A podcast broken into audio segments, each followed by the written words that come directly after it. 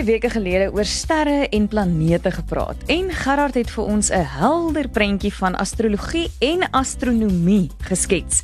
Ons het ook skitterende terugvoer ontvang van ons luisteraars en ons het gesels oor die eerste en onlangse planeet wat benoem is.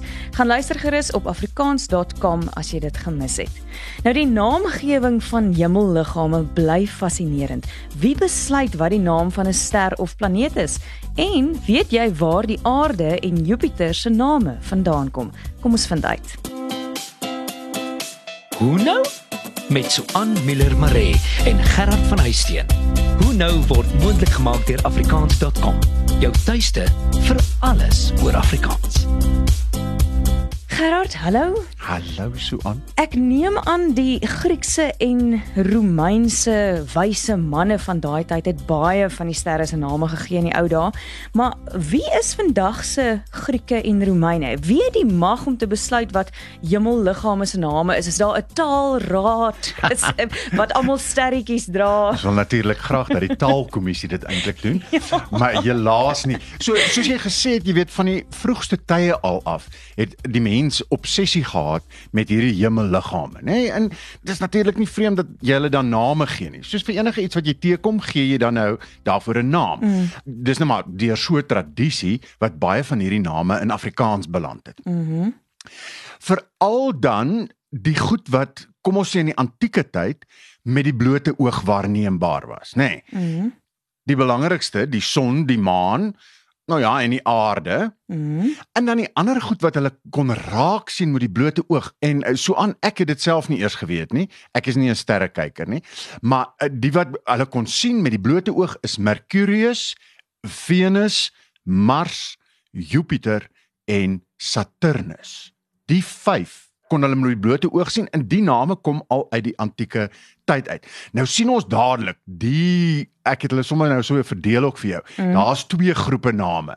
Ja, want daai wat jy nou genoem het klink almal half dieselfde. Die laaste klompie terwyl uh, son, maan en aarde klink meer soos mekaar. Presies. So die hulle son, maan en aarde, hulle kom uit die Germaanse geskiedenis van ah. Afrikaans uit. Mm -hmm. Terwyl daai ander name kom uit Latyn uit en hulle verwys almal na Romeinse gode. Dis Mercurius, Venus, Mars, Jupiter en Saturnus. En dan is daar natuurlik ook nog die Griekse ekwivalente van die Latynse name soos Afrodite vir Venus en Zeus vir Jupiter en al daai goeters.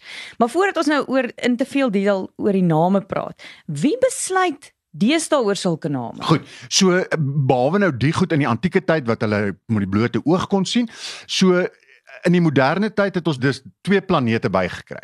Die een was in 1782 was Uranus Uranus. Uranus steek uit, hoor. Trek net op daai skurkie. en dit het die sterrekundige Johan Bode het dit vernoem na die Griekse hemelgod Uranus, mm. net soos jy nou gesê het. Ja. Nou, hy het gesê sy sy argument was Jupiter se pa in die Griekse mitologie. Jupiter se pa was Saturnus en Saturnus se pa was Uranus. Ah. Okay. So hy volg dus die mitologie. Hmm, slim. Daarna is uh, en dit was in 1782. Daarna is Neptunus ontdek. Nou gelyktydig deur twee verskillende mense. Dis nou nie belangrik nie, maar Urbain Laferrière was 'n Fransman geweest en toe dog hy, "O, ek vernoem hierdie planeet na myself." uh, maar die mense was toe nou glad nie te vind vir die idee nie. Veral nie met 'n naam soos Urbain Laferrière nie. Presies, presies, presies.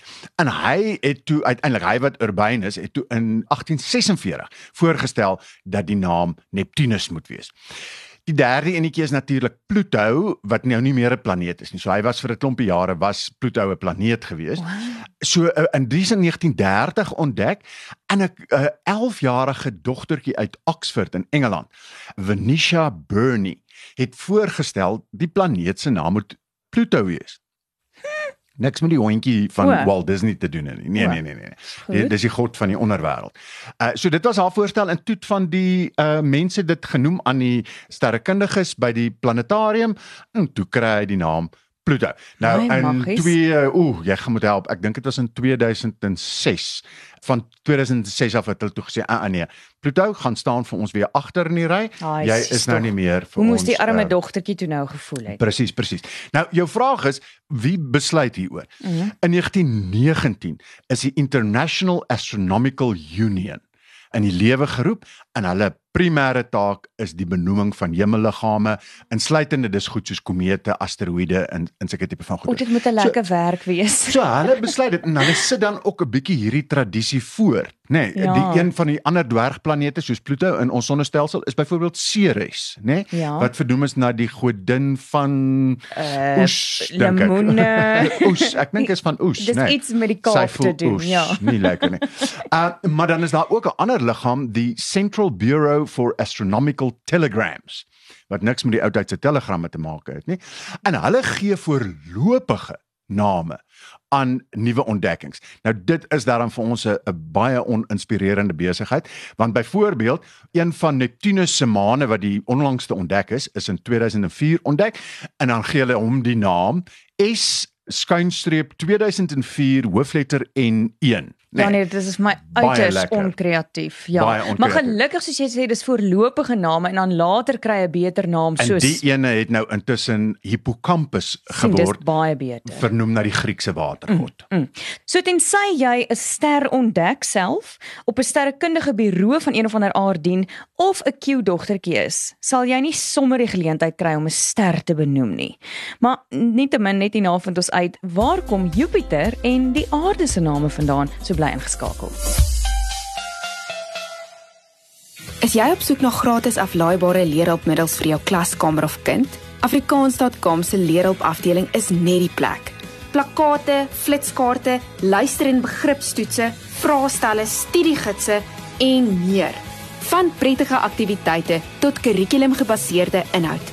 Afrikaans.com se leerhulpafdeling bied nuttige hulpmiddels vir voorskool tot matriek. Besoek afrikaans.com se leerhulpafdeling en maak leer lekker. Jy luister na Hoe nou met Gerard en Swan en Swan en Swan. Welkom terug ons gesels oor die naamgewingsproses van hemelliggame. En ek het nou besef in die vorige segment dat Jupiter 'n Latynse naam is en Aarde 'n Germaanse naam is. Maar Gerard, vertel vir ons 'n bietjie meer oor die herkoms van hierdie twee planete se name spesifiek. Al, wat ek op Latyn op skool kan onthou is dat as ek reg onthou, Jupiter se Griekse ekwivalent is Zeus. Ja, inderdaad. Dis natuurlik vir ons nie, nie net interessant om te weet Jupiter is na die Griekse god vernoem nie. Ja. Ons wil natuurlik altyd 'n bietjie dieper indelf. So waar kom die naam Jupiter vandaan? Ja. Nou, dit kom inderdaad soos jy sê uit die Latynse Jupiter en hulle het nie 'n J letter J gehad nie, so dis 'n hoofletter U, Jupiter, wat 'n samestelling is van eu en pater. Ha. En wat is pater? Vader. Vader, nê. Nee. So dis en daai eu was 'n tipe van 'n aanspreekvorm geweest. Ons kry hom in die proto-Italies al as Joos pater en die proto-Indo-Europeërs Jupiter wat beteken o Vader Hemelgod. Jy kan sommer hoor dis so aanspreekvorm, nê. Nee, o Vader Hemelgod, dis daai Dieu Peter, Peter, nê. Nee. Nou Ja. in Latyn het hulle 'n ander naam gehad behalwe nou die Jupiter, het hulle ook Deus Pater genoem. Wat letterlik was Deus Pater, dag Vader. Ah. Nou daai deel, daai Deus wat dis dag beteken. En wat ons ook kry in sulke goed soos carpe diem, Ja. né? Gryp die dag, carpe diem. Daai Deus is dan hoor jy ook sommer in die Grieks Zeus. Zeus. Presies soos jy net nou gesê het. Ah, So en net soos Jupiter was Zeus die koning van die gode gewees, die een Romeins, die ander een Grieks.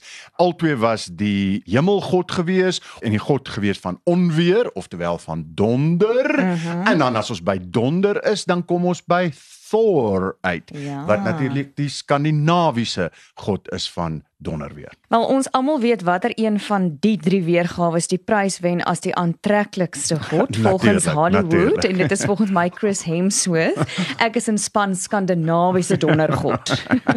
maar voordat ons nou te ver meegevoer raak, waar kom die Germaanse woord aarde dan nou vandaan? Okay, dis alles uh, verskriklik baie vervelig uh, in vergelyking met die pragtige geskiedenis van van Zeus. En so aan.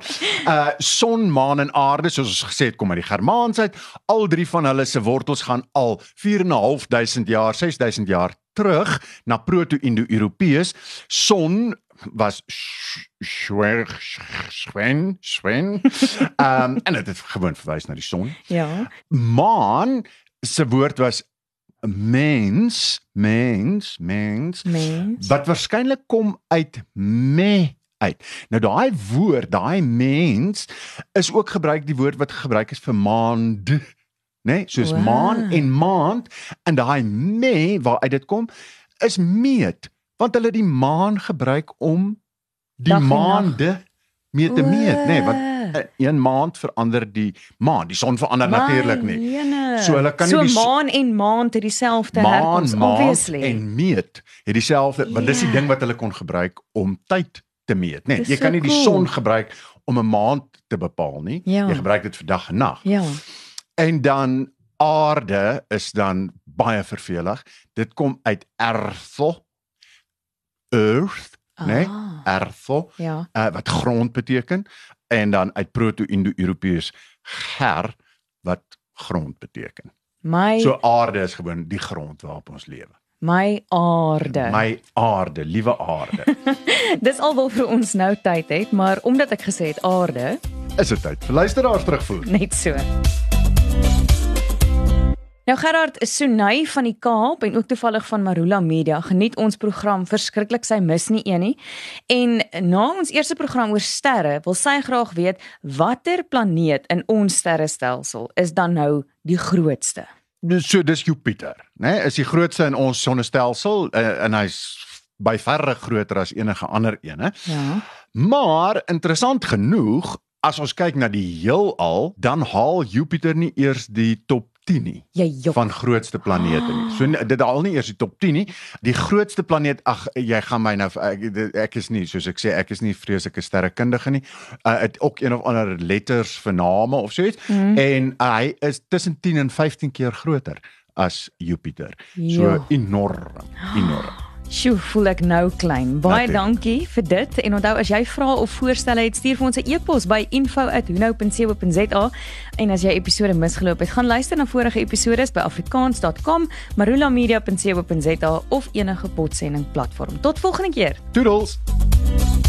Hoe nou is saamgestel en aangebied deur Suan Miller Maree en Gerard van Huisteen en word moontlik gemaak met die tegniese ondersteuning van Marula Media en die finansiële ondersteuning van afrikaans.com. Jou tuiste vir alles oor Afrikaans.